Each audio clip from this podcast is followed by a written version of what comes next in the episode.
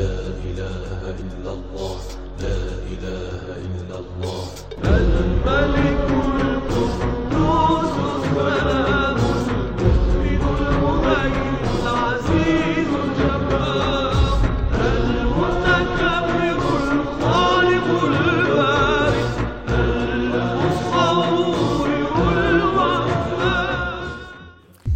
أسرار ومعاني وبركات أسماء الله الحسنى. بسم الله والحمد لله وصلى الله وسلم على سيدنا محمد رسول الله وعلى آله وصحبه الطيبين الطاهرين ومن والاه اللهم لا سهل إلا ما جعلته سهلا وأنت تجعل الحزن إذا شئت سهلا.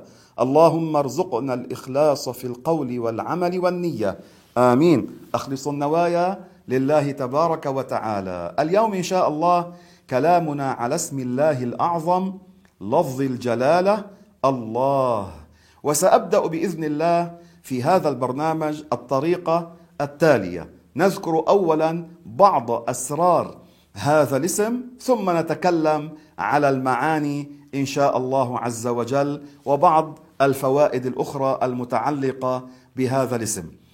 اليوم كلامنا على أفضل أسماء الله وأعلاها وأعظمها وهو اسم الله الأعظم والذي قال فيه سيبويه الذي كان رحمه الله تعالى شيخ اللغويين وكان رحمه الله فاضلا قال عنه أعرف المعارف. يعني هذا الاسم يدل على الله تبارك وتعالى فهو أعلى الأسماء. وأفضل الأسماء. فبعد موته رؤي في المنام وقيل له ماذا فعل الله بك؟ فقال غفر لي بقولي عن اسمه الأعظم الله هو أعرف المعارف. وهذا الاسم من بركات الذكر به أنه يقوي القلب بإذن الله عز وجل. الله الله الله. لكن كل أسماء الله إن أردت أن تذكر بها اذكرها بألفاظ صحيحة وبنية حسنة حتى يحصل لك الثواب. هذا من الشروط. وكذلك أيضا يورث الخشوع. ما هو الخشوع؟ الخوف من الله تعالى في القلب. فأنت إذا أكثرت من الذكر بلفظ الله الله. ليس الله مش الله. الله مع المد. هناك ألف خنجرية لا تكتب عادة. تلفظ ولا تكتب بين اللام والهاء. الله تمد حركتين. هذا لا بد منه لحصول السر. وإذا ذكرته مع الخشوع يقوى قلبك إن شاء الله. سيدنا رسول الله صلى الله عليه وسلم كان مرة في إحدى الغزوات مضطجعا على جنب وسيفه أمامه فتسلل عدو كافر بالله وأخذ سيف النبي ورفعه عليه على النبي عليه الصلاة والسلام فقال له من يحميك مني يا محمد؟ فالنبي قال بقلب واثق خاشع متكل على الله متوكل على الله. قال الله فسقط من هذا الكافر السيف فرفعه النبي الرؤوف الرحيم. وقال له من يمنعك مني الآن؟ فقال أنت كريم. صار يتكلم. ثم قال هذا الرجل أشهد أن لا إله إلا الله وأشهد أن محمدا رسول الله. النبي عليه الصلاة والسلام كان يقول لسيدنا علي قل خلفي لا إله إلا الله. يعني ردد. فهذا الذكر به بهذا الاسم الله من الأوراد التي يستعملها بعض أهل الطرق الصوفية الصادقين كالطريقة القادرية والطريقة النقشبندية. ولكن يا أحبابي علينا بأن نقدم العلم على الذكر اللساني فإن العلم يعرف به الذكر كيف يكون صحيحا وكيف يكون الشخص مثابا عليه فعليكم بهذا الاسم. الله الله الله. وإذا سئلتم عن اسم من أسماء الله كيف يكون الإكثار منه؟ قال العلماء أقل الإكثار ثلاثمائة مرة. يعني 300 مرة بتقولها باليوم بالنهار بالليل. المتواصلة أحيانا يكون لها سر وإذا تقطعت يبقى السر فيها سر وفيها بركات. وأما هذا الاسم المبارك فهو معناه من له الألوهية من له القدرة على الخلق. الله وحده له هذا عز وجل وحده الذي يستحق للعبادة. وما دون الله سوى الله لا يستحق العبادة. اذا ما معنى الله المعبود بحق؟ هناك أشياء كالشمس والقمر عبدت من دون الله فهي معبودة بغير حق. هذا خبيب رضي الله عنه وأرضاه الذي قدم للقتل من الصحابة.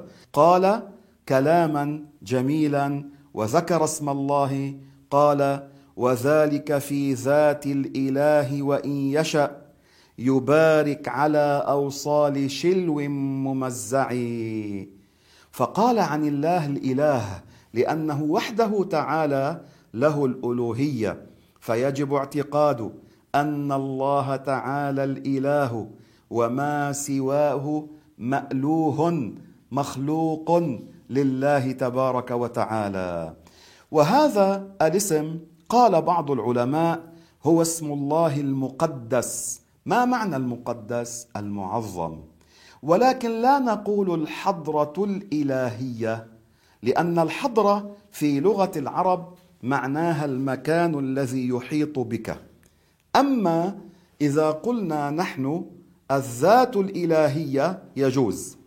وإذا قيل الذات المقدسة يجوز لكن الأحسن أن يقال الذات المقدس. والله تبارك وتعالى إذا قلنا عنه الله فهذا الاسم كان يقال في كل الشرائع. يعني كل الأنبياء حتى من كان لا يتكلم العربية كانوا يطلقون على الله تبارك وتعالى الله. فاذا العبادة لا تكون إلا له. الرسول صلى الله عليه وسلم قال الإسلام أن تعبد الله لا تشرك به شيئا. لأن الإشراك بالله هذا يتنافى مع التوحيد. التوحيد إفراد القديم من المحدث. أن تعتقد في الله تبارك وتعالى وحده يستحق العبادة. هذا ما نقوله في سورة الفاتحة. كل يوم في الصلاة إياك نعبد. نخصك يا الله بالعبادة. نطيعك الطاعة التي يخضع معها. وهذا لا يكون إلا لله تبارك وتعالى. اذا الله عز وجل المعبود بحق. وهل يعني لا يجوز التوسل بالأنبياء لا هذا ليس كهذا. العبادة ليست مجرد التوسل ولا مجرد النداء ولا مجرد الخوف والرجاء وإنما التوسل والتبرك الطلب من الله. أن يخصصني بكذا أن يدفع عني كذا. والله تعالى لا يتجزأ. ولا يكون له ولد ولا والد فلا يحل في شيء ولا يحل فيه شيء ولا يحل هو في شيء ولا يحل فيه شيء. هكذا قال سيدنا عيسى عليه السلام حين أنطقه الله تعالى في المهد. ماذا قال؟ إني عبد الله. ما قال أنا ابن الله أو جزء من الله؟ فالله تعالى لا يتجزأ ليس جسما. والله عز وجل إذا قيل فيه له الألوهية يعني القدرة على الخلق فلا خالق إلا الله تبارك وتعالى. وقد ورد عن النبي صلى الله عليه وسلم أنه سمع عليه الصلاة والسلام رجلا يدعو وهو يقول اللهم إني أسألك بأني أشهد أنك أنت الله.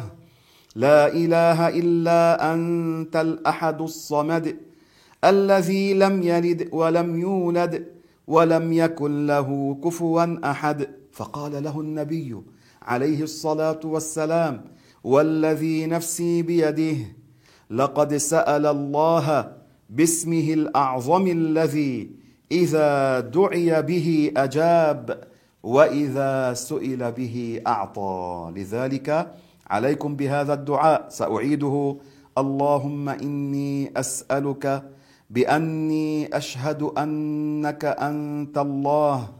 لا إله إلا أنت الأحد الصمد الذي لم يلد ولم يولد ولم يكن له كفوا أحد. قال عليه الصلاة والسلام هذا اسم الله الأعظم والذي إذا دعي الله تعالى به أجاب وإذا سئل به أعطى. فاسألوا الله تعالى باسمه الأعظم وآخر دعوانا أن الحمد لله رب العالمين. لا إله إلا الله لا إله